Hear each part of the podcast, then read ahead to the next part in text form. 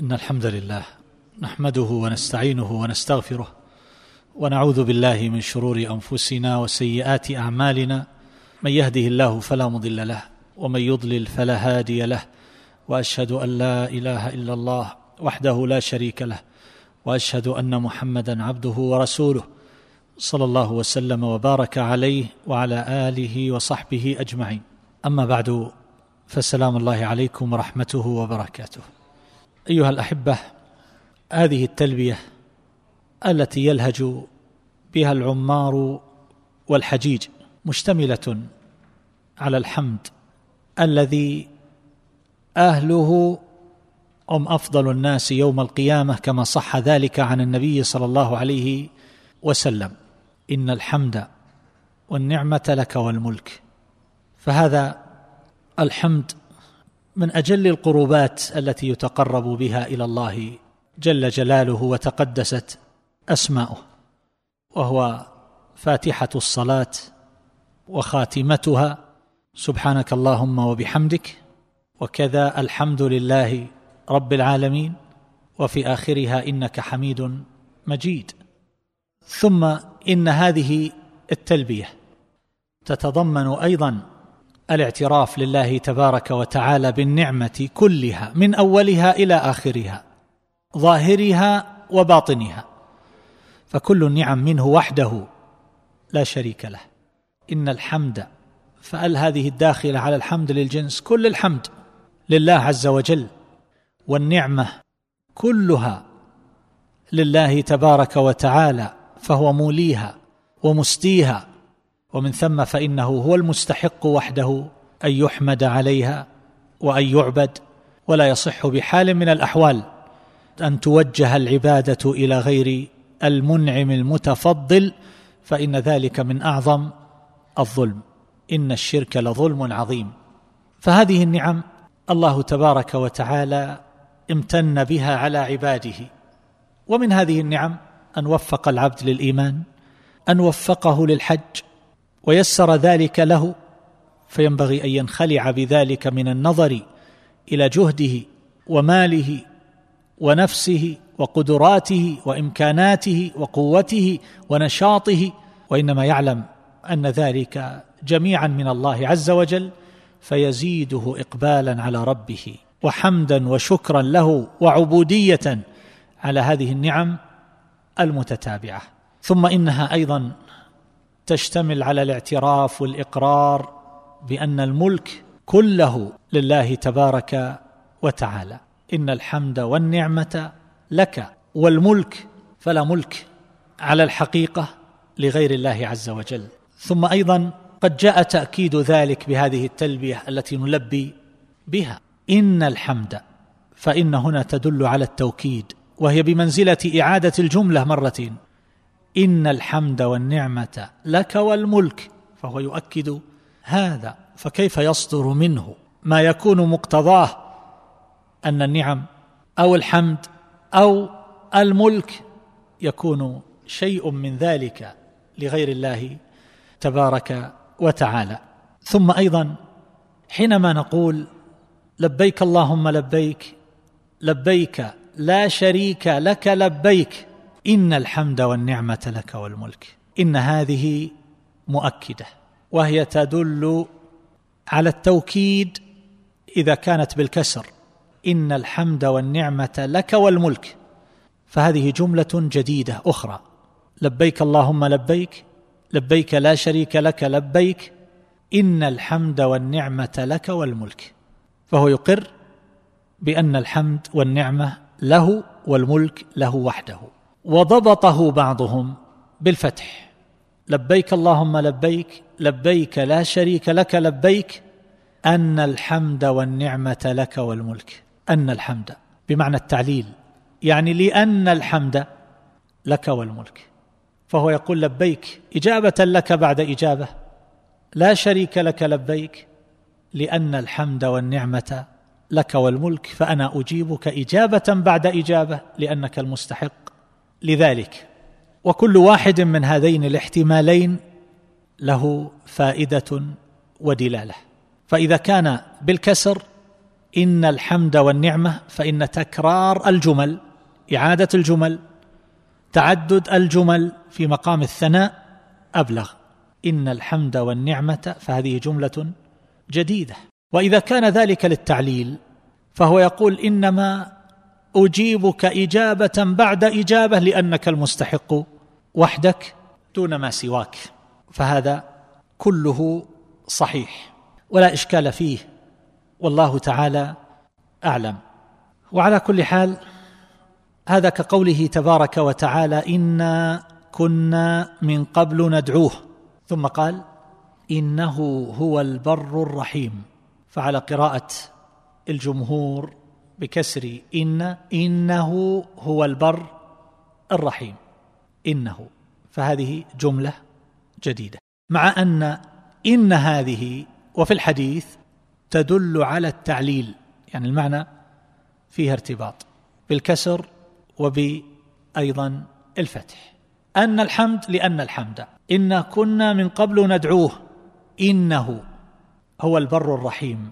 جملة جديدة. وإن تشعر بالتعليل لأنه أيضا. وهكذا على الفتح.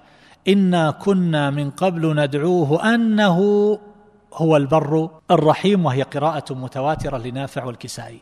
أنه هو البر الرحيم مثل الحديث. لأنه هو البر الرحيم.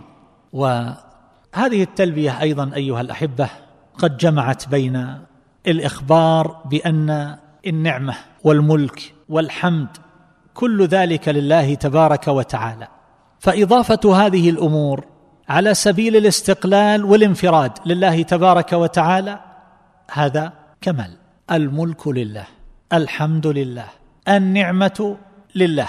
واجتماع هذه فيه كمال آخر كما ذكرنا في مجالس الأسماء الحسنى. فله تبارك وتعالى هذان النوعان من الثناء والكمال حال الانفراد انفراد هذه الأوصاف بإضافتها إليه عز وجل وفي حال الاجتماع فيكون كمال مركب.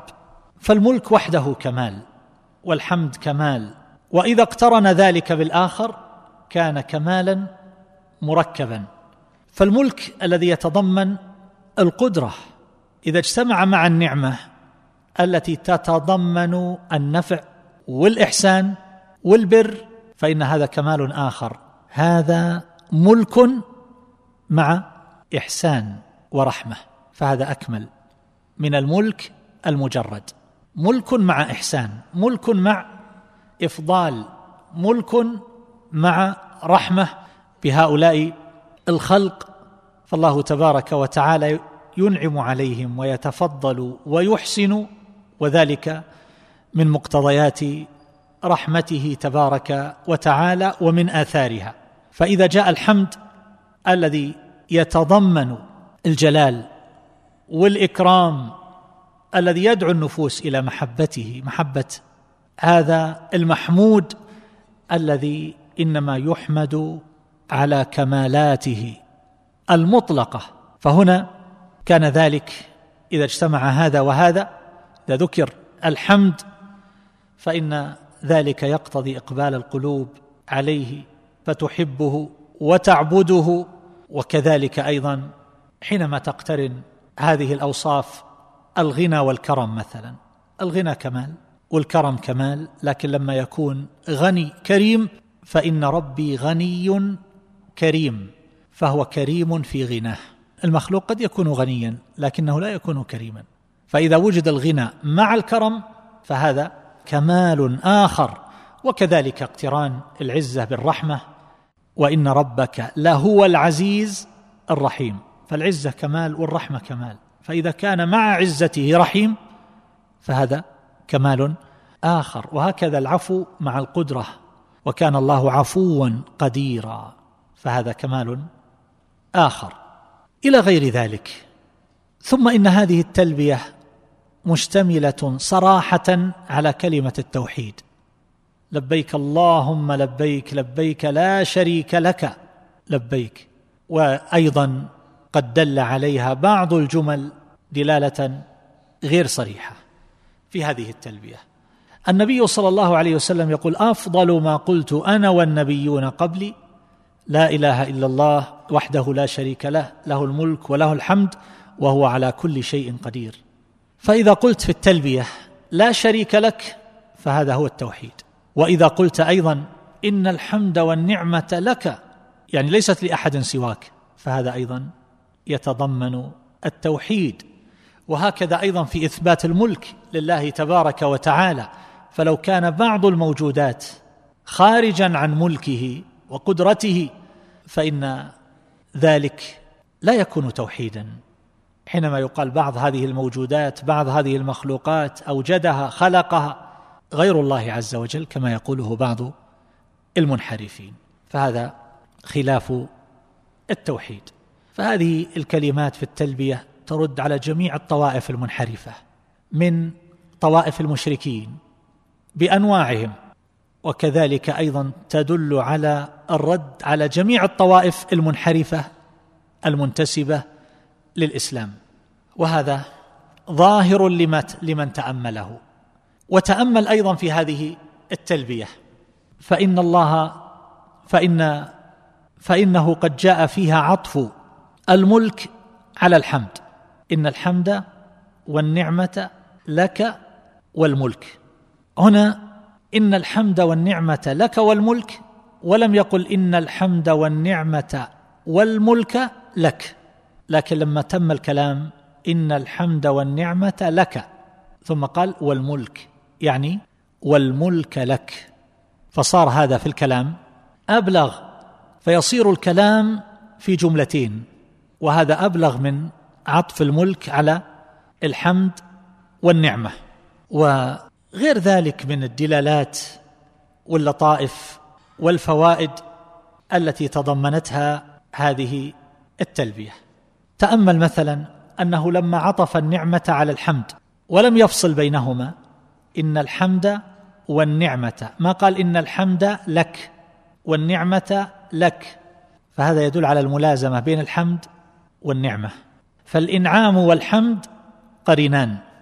ثم تأمل أيضا ما جاء فيها من تكرار من إعادة الشهادة له بأنه لا شريك له. إن الحمد والنعمة لك والملك لا شريك لك. إن الحمد لبيك اللهم لبيك في أولها لبيك لا شريك لك. في أولها يقول أجيبك إجابة بعد إجابة من غير التفات إلى من سواك. أجيبك إجابة بعد إجابة متوجها إليك وحدك.